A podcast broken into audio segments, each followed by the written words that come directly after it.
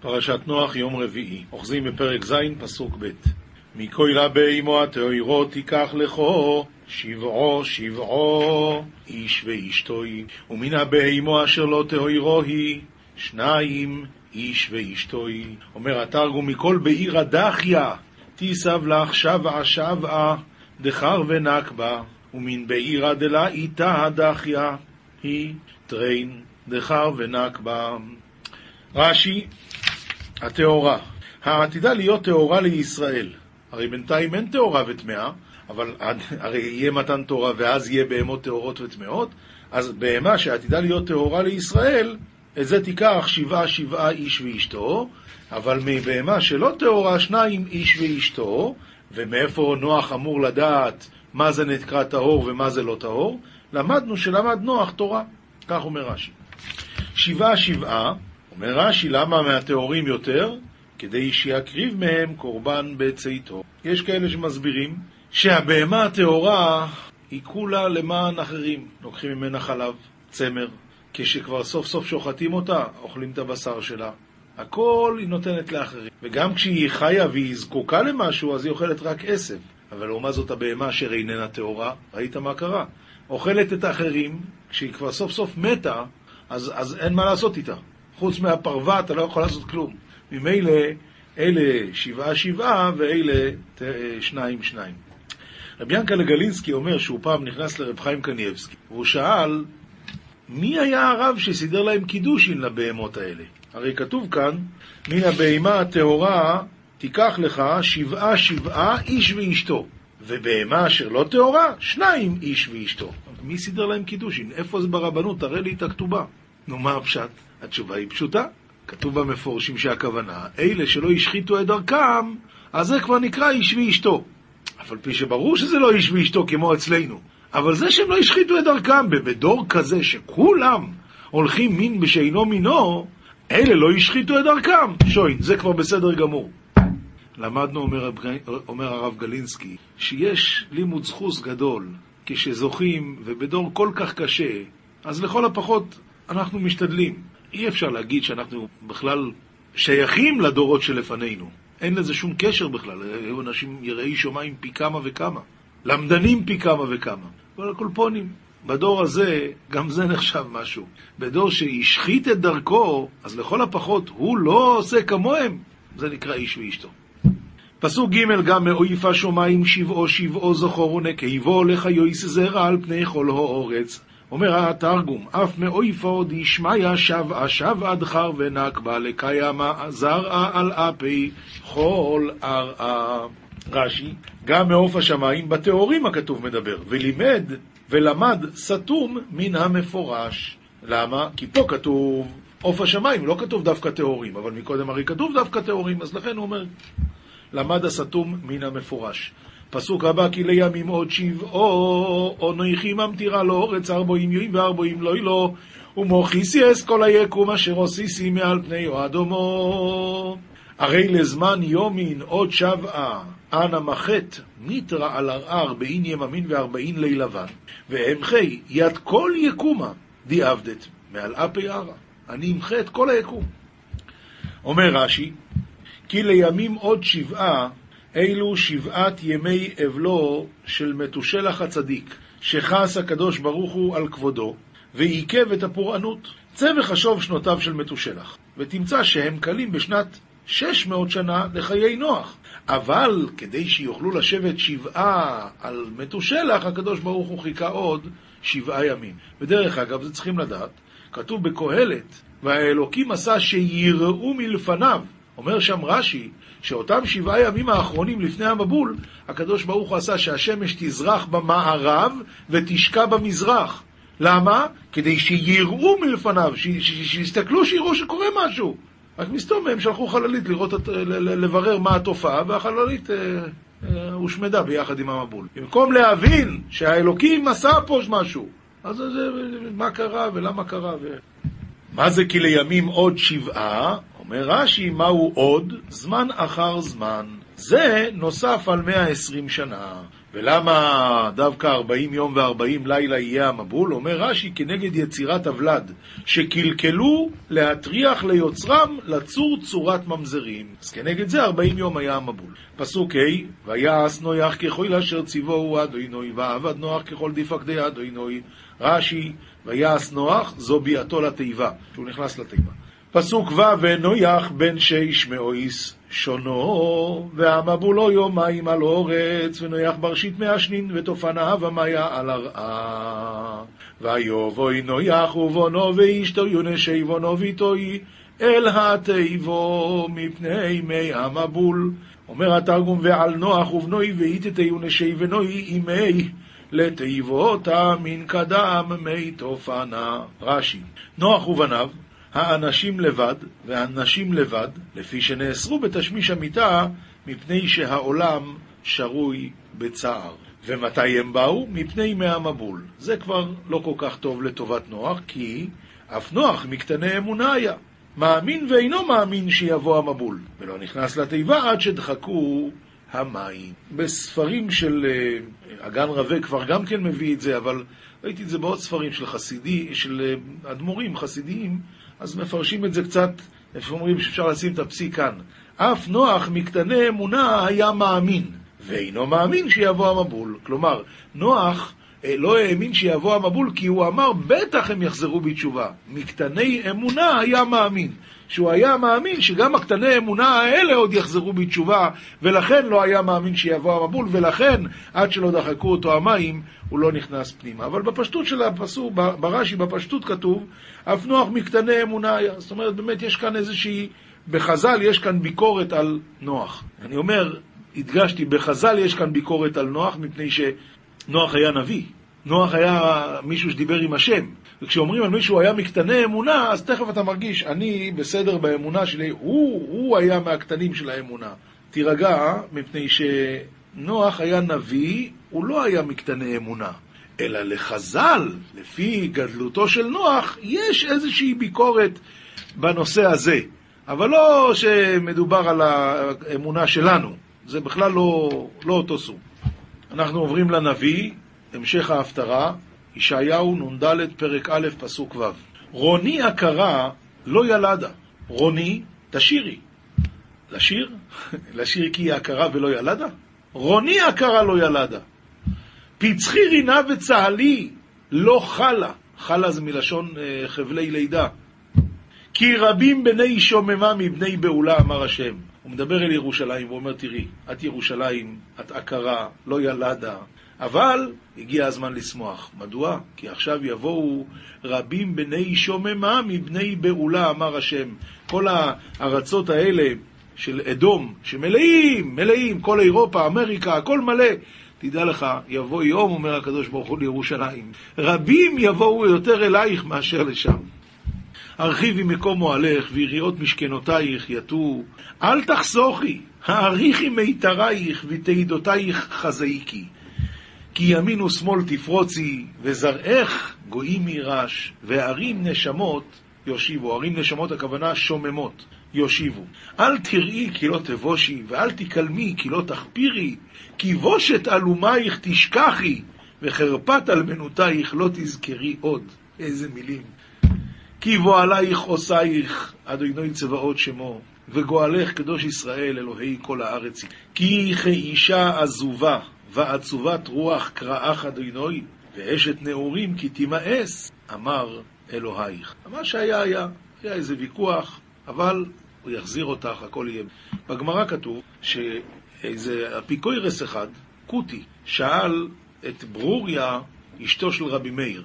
מה הוא שאל אותה? רוני, הכרה לא ילדה? בשביל זה לשמוח? והיא ענתה לו, ענה כסיל כי יבלתו. אמרה לו, זה הצדוקי אולי. אז היא אמרה לו, בטח שהיא צריכה לשמוח, שהיא לא ילדה, אפיקורסים כמוך. אבל ב, ב, בילדים טובים ודאי שהיא ילדה, שהיא עקרה מכמוך, מאנשים כמוך. אוי, יהי רצון שכבר יתקיים הנבואה הזאת, עוני עקרה לא ילדה, כי רבים בני שוממה מבני בעולה. יהיו יותר אנשים בירושלים מאשר בכל ארצות אדום, אירופה ואמריקה. עכשיו אה, אנחנו עוברים לכתובים. משלי פרק ב', פסוק ט' עד י"ד. אנחנו בהמשך של אם תבקשנה ככסף וכמטמונים תחפשנה, אז תבין יראת השם וכולי וכולי, אז תבין צדק ומשפט ומישרים כל מעגל טוב. נראה את זה בפסוקים של הנביא עצמו. אומר, אומר שלמה המלך, אז תבין צדק ומשפט ומישרים כל מעגל טוב. מה הולך פה? אומר רש"י, אין רש"י, אבל זה הולך ככה, אם אתה תנצור, אם אתה תלמד את התורה, אז לנצור אורחות משפט ודרך חסידיו ישמור, אז תבין צדק ומשפט. אז יהיה לך הבנה בדברים האלה, ומישרים כל מעגל טוב. מעגל זה דרך. רק מה, יש מעגל, זה, זה מעגל זה בעיגול הדרך. יש מעגל טוב ויש מעגל לא טוב, הוא אומר, ומישרים כל מעגל טוב, הוא יישר לך את כל המעגלים. כי תבוא חוכמה בליבך, ודעת לנפשך ינעם. תדע לך, כשאתה תזכה ללמוד תורה, והחוכמה תבוא בליבך, אבל יותר מזה, דעת לנפשך ינעם. יגיע מצב שלא תלמד כי צריכים ללמוד, אלא תלמד כי אתה נהנה מזה. ודעת לנפשך ינעם, מזימה תשמור עליך, תבונה תנצרק. אז התורה תשמור עליך, והיא תיתן לך תבונה, היא תשמור עליך, היא תנצור אותך, להצילך מדרך רע, מאיש מדבר תהפוכות. כאן אומר רש"י ככה, מי זה איש מדבר תהפוכות? הם האפיקורסין, שמטעין את ישראל מאמונתם ומהפכים את התורה לרעה. איך אפשר להפך תורה לרעה? התשובה היא פשוטה מאוד. שמשה רבינו בא אל בני ישראל ואמר להם, ראה, אנוכי נותן לפניכם היום ברכה וקללה. איפה הוא נתן קללה? התשובה היא, הוא נתן את התורה. רק התורה, אם שומרים אותה, זה ברכה. ואם חס וחלילה עושים את ההפך, אז קללה. זה מה שהוא אומר. הם האפיקורסים שמטעים את ישראל מאמונתם. ומה קורה אז? מהפכים את התורה לרעה. עושים, זה, זה עכשיו נהיה רע, כי, כי יש לך תורה, אז למה אתה לא שומר? העוזבים אורחות יושר ללכת בדרכי חושך. עוזבים אורחות יושר, ללכת בדרכי חושך. פסוק אחרון הוא אומר, השמחים לעשות רע, יגילו בתהפוכות רע. אומר רש"י, אין רש"י, אבל זה אין רש"י, הכוונה ברורה. אנחנו עוברים למשנה, מסכת אה, בבא קמא פרק ב'. אומרת המשנה, כיצד הרגל מועדת? אמרנו שיש ארבע אבות נזיקין, השור הבור, המבעה והאבער. שור, מה זה? רגל. רגל משלם נזק שלם, כי זה דרכו להזיק. איפה? מה? כיצד הרגל מועדת? והתשובה היא לשבר בדרך הילוכה. בהמה שהולכת, היא מזיקה. הולכת ומזיקה, זה נקרא משברת בדרך הילוכה והיא חייבת. כמו, כמובן לא ברשות הרבים. איפה שמותר לבהמה ללכת, אז אתה אל תשים את החבילות שלך. אבל אם זה צידי רשות הרבים, או בוודאי ובוודאי ברשות הניזק, והבהמה הלכה ותוך כדי הליכה הזיקה, בוודאי שהיא חייבת נזק שלם. הבהמה מועדת להלך כדרכה ולשבר. הייתה מבעטת, כאן זה כבר קרן. בעיטות זה לא נורמלי. דבר לא נורמלי זה קרן. אז, זאת אומרת, לא נורמלי, וכוונתה להזיק, הייתה מבעטת, או שהיו צרורות מנצזין מתחת רגליה, כלומר, היא הלכה והיא שפריצה, והשפריץ גרם את הנזק, זה נקרא צרורות, ושיברה את הכלים, משלם חצי נזק. הייתה מבעטת ומשלם חצי נזק, כי זה קרן, וקרן משלם חצי נזק. צרורות, משלם חצי נזק, כי זה נקרא הלכה למשה מסיני, שזה הדין. דרסה על הכלי ושברתו, ונפל על כלי אחר ושברו. היא נתנה מכה, זה שבר את הכלי הזה, והשברים עפו ועשו עוד נזק. אז על הראשון משלם נזק שלם. למה? זה רגל. אבל על האחרון משלם חצי נזק, כי זה כבר נקרא צרורות. התרנגולים מועדים להלך כדרכן ולשבר. היה דליל קשור ברגליו, דלי, או שהיה מהדס, מהדס, זה, הוא קופץ, אבל זה דרכו של תרנגול. הוא משבר את הכלים, הדין הוא שמשלם חצי נזק. למה? כיוון שכל זה שייך לצרורות. אם הוא קפץ ועל ידי הקפיצה הוא שבר, זה רגל. אבל אם הוא קפץ ועל ידי הקפיצה הוא התיז, והניצוצות וה, האלה הם אלה שפגעו, אז הדין הוא שמשלם חצי נזק. משנה ב' כיצד השן מועדת? לאכול את הראוי לה. אם בהמה אכלה פירות, ירקות, זה בסדר גמור. מה הדין אם היא אכלה כובע? אז זה כבר לא רגיל. אז כיצד השן מועדת? לאכול את הראוי לה. הבהמה מועדת לאכול פירות וירקות. אכלה כסות או כלים, אז הדין הוא שזה קרן, זה כבר לא דבר נורמלי. אז משלם חצי נזק. במה דבורים אמורים ברשות הניזק? אבל ברשות סורבים פטור, זה אמרנו גם מקודם. עכשיו ככה, אם נהנית, משלם מה שנהנית. גם ברשות הרבים, אם הבהמה אכלה דבר שהוא טוב לה, אז בעצם הבעל הבית חסך כרגע ארוחת צהריים לבהמה, אז שישלם לפחות מה שנהנית. אני לא אומר, הוא הרס פה באלף שקל, אבל לכל הפחות הוא חסך אה, את החמישים שקל שהוא היה צריך לתת לה לאכול, אז את זה שישלם. אם נהנית, משלם מה שנהנית. כיצד משלם מה שנהנית? אכלה מתוך הרחבה, כלומר ברשות הרבים, היה מותר לה להיות שם, היה מותר לה לאכול שם, אבל לכל הפחות את מה שהוא חסך לעצמו, שישלם, אז משלם מה שנהנית. מצידי הרחבה, ששם מותר לבן אדם לשים את הדברים שלו, אז הדין הוא שמשלם מה שהיא זיקה, כי שם זה כבר שן, ושם שן, אז שן צריך לשלם נזק שלם. מפתח החנות, משלם מה שנהנית, מתוך החנות, משלם מה שהזיקה. אותו הכלל. משנה ג' הכלב והגדי שקפצו מראש הגג ושיברו את הכלים. מה אתם אומרים, זה דרכו של כלב וגדי לקפץ? ודאי שכן. מה הדין? משלם נזק שלם, מפני שאין מועדין. הכלב שנטל חררה והלך לגדיש, חררה זה עוגה, מישהו שם פיתה על גבי הגחלים, הלך על הכלב ולקח את הפיתה, הוא רק לקח עם זה גם גחלים, הוא שם את זה על גדיש וכל הגדיש נשרף. אז הכלב שנטל חררה והלך לגדיש, על החררה אכל החררה והדליק את הגדיש. על החררה משלם נזק שלם. למה? זה שן. אבל על הגדיש משלם חצי נזק. איזה דין זה? צרורות. וצרורות אמרנו כבר, הלכה למשה מסיני משלם חצי נזק. משנה ד' איזה הוא תם ואיזה הוא מועד. לגבי קרן יש לנו תם ויש לנו מועד. אז עכשיו השאלה, מה זה תם ומה זה מועד? מועד כל שהעידו בו שלושה ימים שהוא נגח. שלושה ימים, אחד אחרי השני, נגח, זה מועד. ואז הוא יתחיל לשלם נזק שלם. תם, מי שיחזור בו שלושה ימים, מתי הוא חוזר להיות תם? אם עברו שלושה ימים והוא הפסיק לנגוח. דברי רבי יהודה. רבי מאיר אומר, מועד שהעידו בו שלוש פעמים. לא אכפת לי אפילו באותו יום. לא כמו שרבי יהודה אמר שלושה ימים, אלא שלושה פעמים.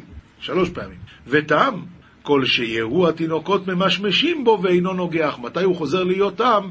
שהתינוקות מתחילים להציק לו, כמו שהם רגילים הילדים, ואף על פי כן הוא לא נוגח, אז הוא חוזר להיות תם. משנה ה' שור המזיק ברשות הניזק. כיצד? נגח, נגח זה הקרן עצמה. נג, עכשיו זה התולדות. נגף, נשך, רבץ, בעט. ברשות הרבים משלם חצי נזק, כי זה קרן. ברשות הניזק, רבי טרפון אומר נזק שלם, וחכמים אומרים חצי נזק. במה תלוי הוויכוח שלהם? אמר להם רבי טרפון לחכמים, ומה במקום במקום שהקל על השן ועל הרגל, מה, איפה זה? ברשות הרבים, ששן ורגל לא משלם, רק מה שנהנית. שהוא פטור, החמיר עליהם ברשות הניזק לשלם נזק שלם.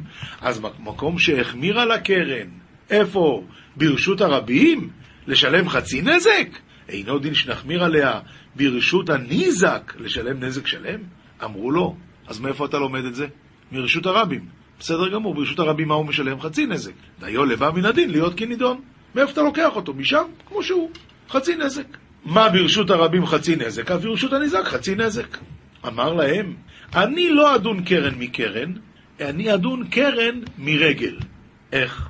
ומה במקום שהקל על השן ועל הרגל? ברשות הרבים, החמיר בקרן, מקום שהחמיר על השן ועל הרגל, ברשות הניזק. ששם משלמים נזק שלם. אינו דין שנחמיר בקרן לשלם נזק שלם? אמרו לו, דיו לבא מן הדין להיות כנידון. מה ברשות הרבים? חצי נזק. מי? הקרן משלם חצי נזק, אף ברשות הניזק חצי נזק. כי מאיפה אתה משלם? מאיפה אתה בא? אתה בא מזה שברשות הרבים התורה החמירה על קרן יותר מאשר על שן. בסדר גמור, אבל מה היא החמירה? חצי נזק. אז גם פה רק חצי. משנה ו' אחרונה לפרק הזה, אדם מועד לעולם, בין שוגג, בין מזיד, בין ער, בין ישן, אדם מועד לעולם. כמובן, בתנאי שהוא יודע שמישהו ישן לידו. מה הדין אם הלך אדם לישון, והוא לא יודע, אחרי שהוא הלך לישון מישהו בא והתיישב לידו, גם אם הוא עשה משהו, או מישהו הניח שם אה, זכוכיות, הוא לא יודע, אז הוא לא אשם. אבל מה הדין אם הוא הלך לישון והוא ידע שיש פה זכוכיות, רק תוך כדי שינה מה הוא יכול לעשות? לא, אדם מועד לעולם. סימא את עין חברו, ושיבר את הכלים תוך כדי שינה, משלם נזק שלם. אומרת הגמרא בו בקמא דף י"ז עמוד ב' תנו רבונון תרנגולים שהיו מפריחים ממקום למקום ושיברו כלים בכנפיהם משלמים נזק שלם. אוי, זה לא צרורות? לא, הם שיברו בכנפיהם.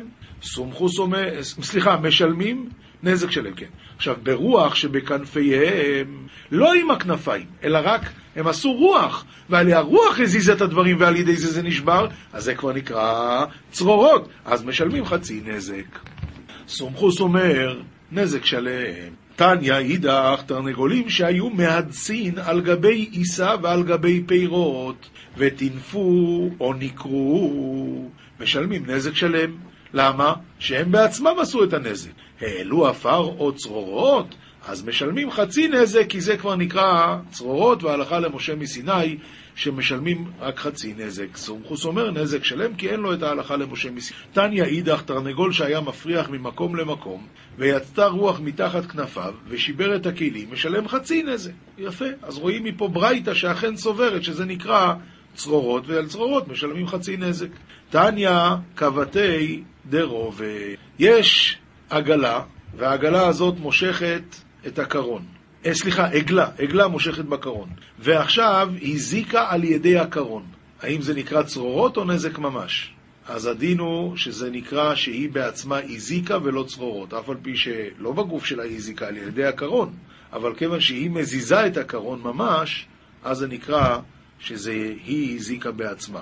ממשיכה הגמרא, בהמה מועדת לשבר בדרך הילוכה. כיצד בהמה שנכנסה לחצר, כיצד? בהמה שנכנסה לחצר הניזק, והזיקה בגופה דרך הילוכה, ובשערה דרך הילוכה, בעוקף שעליה, ובשליף שעליה, ובפרומביה שבפיה, ובזוג שבצווארה, וחמור במסעו, ועגלה מושכת בקרון, כל אלה משלם נזק שלם. אז באמת רואים, כמו שאמרנו, שזה אם הבהמה עשתה רוח עם הכנפיים, או נתנה מכה ואף פה חול הצידה, והחול שבר זה נקרא צרורות, אבל אם היא מחזיקה או את השליף, את הפרומביה שבפיה, או את העגלה מאחוריה, חצי, זה נקרא נזק שלם, זה לא נקרא צרורות. אנחנו בזוהר, פרשת נוח, דף ס"ח עמוד א', היום הזוהר מדבר האם נוח היה זכאי או לא היה זכאי מבחינת מה שהוא היה אמור לעשות לדור שלו. אומר רבי יהודה, אף על גב דזכה אהבה נוח. נוח היה באמת ראוי, אבל לאו אי הוא כדאי דקודשא בריחו יגן על עלמא בגיני. להגן על כל הדור, זה הוא לא יכל, הוא עצמו זכאי, אבל שהוא יגן על הדור, זה הוא לא היה מסוגל. תוך חזי, משה לת לה מילה בזכותי, אלא בזכות הבהן קדמאי. משה רבינו, כשבא לבקש, מה הוא אומר? אומר, ריבונו של עולם, תזכור את האבות, הוא לא מבקש אף פעם בזכותו, תמיד הכל בזכות זכור לאברהם, ליצחק ולישראל עבדיך. אבל נוח, לא אבלי במאן דאית לזכותא כמשה. נוח, מה הוא יגיד? זכור למי? הוא היה ראשון, הוא היה בדורות הראשונים. אז להציל את הדור הוא לא יכל. אומר רבי יצחוק, ועם כל דה, ועם כל זה, כיוון דאמר לי קודשא בריחו והקימותי את בריתי איתך, הווה לי למבואי רחמי עליו. אחרי הכל, ברוך, אה, נוח היה צריך לבקש רחמים מהקודש. וקורבנא דאקריב לבטר, דיאקריב לי מקדמא דנא. את מה שהוא הקריב, את הקורבן אחרי, הוא היה צריך לעשות את זה לפני. אולי זה היה עוזר משהו. דילמה איש כך רוגזי בעלמא. אולי הקדוש ברוך היה אה, אה, שוכח את הרוגז שלו על העולם. עומר רבי יהודה, מה יהווה לילה מעבד? מה אתה רוצה מנוח? מה הוא יכל לעשות? דאחי וי עלמא הבו מרגיזין קמי קודשא בריחו, ואי הוא יקריב קורבנה? מה היה עוזר שיקריב קורבן? אתה אומר יקריב קורבן זה יעזור? מה פתאום? בלי תשובה לא היה עוזר כלום. אלא ודאי נוח דחיל על גר מהווה, בגין דלא יארה בימותה בגו חי ויעלמה. הפוך, נוח פחד על עצמו. שלא יקרה, הוא לא יצטרך למות בגלל שהם עושים כאלה עבירות. דאבחמי עובדי הון בישה כל יומא, והיך מרגזן קמי כוש אבריחו כל יומא. הוא ראה כל יום מה שהם עושים, מרגיזים את הקדוש ברוך הוא נורא. אז מה הוא יכל לעשות? בקושי את עצמו הצליח להציל. רבי יצחק אומר, כל זימנה דחייבי עלמא הסגיהו. כל פעם שהרשעים בעולם מתרבים, זכה דאיש תקח בעיניי הוא יתפס בקדמיתא. אז הזכאים שנמצאים בעולם, הם נתפסים בעוון הדור. דכתיב, וממקדשי תחילו. כתוב ממקדשי, אבל ותנינן, אל תקרי ממקדשי, אלא ממקודשי. ונוח, היך שזיו ליקוד שבריחו, בין כל אינון חייביה. ואם ככה צריכים להבין, אז באמת איך נוח זכה לי להינצל, הרי לכאורה היה צריך להתחיל ממנו, ממיקוד השי. אלא בגין דאיפקון מיני תולדין בעלמא, דהווה צדיקא דקייהו. הוא היה היחיד שהיה ראוי להמשיך את העולם, שכל העולם יצא ממנו. ותו, דאי הוא אתרי בהו כל יומא ויומא ולא קבילו מיני. חוץ מזה, הוא גם הוכיח אותם כל יום, וזה פשוט, הם לא קיבלו ממנו את התוכחה. וכי הם בנפשי יקרו, והוא קיים בעצמו את הפסוק, דכתיב, ואתה כי הזהרת רשע וגוימר. וכתיב, ואתה את נפשך הצלת, שמי שעושה את התוכחה כמו שצריך, אז את נפשו הוא הציל. מכאן, כל מאן דעזר לחייו, אף על גב דלא קביל מיני, הוא שזיב לי לגרמי. אדם שמוכיח את הרשע, גם אם ההוא לא שמע לו, אבל את עצמו הוא הציל. וההוא חייבה יתפס בחובי, ועד, זאת אומרת, ואותו אדם שלא קיבל את התוכחה, אז יש לו בעיה. אני הכרחתי, הוא, הוא, לא, הוא לא רצה לשמוע. ועד כמה יעזר לי? ועד כמה צריכים להוכיח את האנשים? התשובה היא עד דאימחי לי, עד שירקה אותו. וההוא כמו החבריה. וכך באמת מעמידים כל בני הישיבה של הזוהר את הפסוק הזה. עד שירביץ לו, אז עד אז הוא צריך להוכיח אותו. יש, יש אה, באמת אה, סיפור מאוד יפה על רבי יהודה צדקה, זכר צדיק לברכה, ראש ישיבת פורת יוסף. היה פעם הפגנה בירושלים, הרבנים אמרו ללכת להפגנה. גם הוא הלך. אבל באו המשטרה ונתנו מכות, אז כולם ברחו. ורק רבי יהודה צדקה לא ברח. ניגש אליו שוטר אחד, כנראה שהיה ספרדי, יש לו רגש לרבנים, אז הוא ניגש, הרב, למה אתה לא הולך מפה? אז הוא אמר לו, כי הרבנים אמרו לעמוד פה, אז אני לא יכול ללכת. אז הוא אומר, אבל הרב, אתה תקבל מכות. אז הוא אמר, אם אני אקבל מכות, כבר יהיה מותר לי ללכת. כתוב, עד שיכה אותו. אז הוא אמר, אבל הרב, תלך, למה? אני לא יכול ללכת, הרבנים אמרו לקיים מצוות תוכחה. אבל להתקבל מכות, אני מקבל מכות, אני יכול ללכת. בסוף אמר לו הרב, השוטר הזה, הרב תשים את היד, והרב שם, הוא עשה לו ככה, אמר עכשיו אתה יכול ללכת. וליווה אותו עד המדרכה השנייה. הלכה פסוקה, שולחן ערוך יורד דעה מסימן קפ"א ואילך. פאות הזקן הם חמישה, ורבו בהם הדעות. לפיכך, ירא שמיים יצא את כולם, ולא יעביר תער על כל זקנו כלל. סעיף ב' צריך להיזהר שלא ידור שום דבר, ואפילו צדקה אין טוב לדור, אלא אם ישנו בידו, ייתן מיד. נדרים זה דבר לא טוב. סעיף ג' כל איש ישראל חייב בתלמוד תורה בין עני, בין עשיר, בין שלם בגופו, בין בעל איסורים, בין בחור, בין זקן, אפילו עני המחזר על הפתחים. ואפילו מובעל אישה ובנים חייב לקבוע לו זמן לתלמוד תורה ביום ובלילה, שנאמר, והגית בו יומם ולילה. עד אימתי חייב ללמוד? עד יום מותו. תחילת דינו של אדם על תלמוד תורה, ואחר כך על שאר מעשיו, שהשם ירחם עלינו. אה, מוסר מספר תוצאות חיים, צריך להירא מלפגום, זאת אומרת מלעשות עבירות, כי שבעה הימה עיני השם משוטטות, הם מעידים על כל פגם הנעשה שבהם מצטייר הכל. כמו שאמר הכתוב, והרע בעיניך עשיתי, בעיניך. עוד מסוג זה שהוא מכניס, אוי, מכניס סמ"ם, הטמא, בין הקדושים. הלא יאמרו מי גרם שייכנס המצורע הזה בינינו, הלא ודאי ייענש. בפרט המדבר לשון הרע הוא הגורם הגדול שמיד הסמ"ם עולה. ושני המלאכים ההולכים עם האדם הם בדיילים ממנו, והם אבלים עליו עד שובו, שנאמר, ואשלם ניחומים לו ולאבליו, וייתן אל ליבו לשוב, שלא יהיו המלאכים אבלים עליו. אז כל הזמן הוא חוזר על זה, גם אתמול, גם שלשום. אז אם אדם חטא, אבל שיחזור בתשובה מיד. וכאשר האדם חוטא, התורה באה ורושמת החטא בפניו. וכל צבאות מעלה, בהיות הרושם ההוא בפניו, מקללים אותו, ובדהילים ממנו, כי רוח הטומאה שורה עליו. ואמרו זיכרונם לברכה, כי כדי להעביר הרושם, צריך שיבכה וירחץ בדמעות פניו.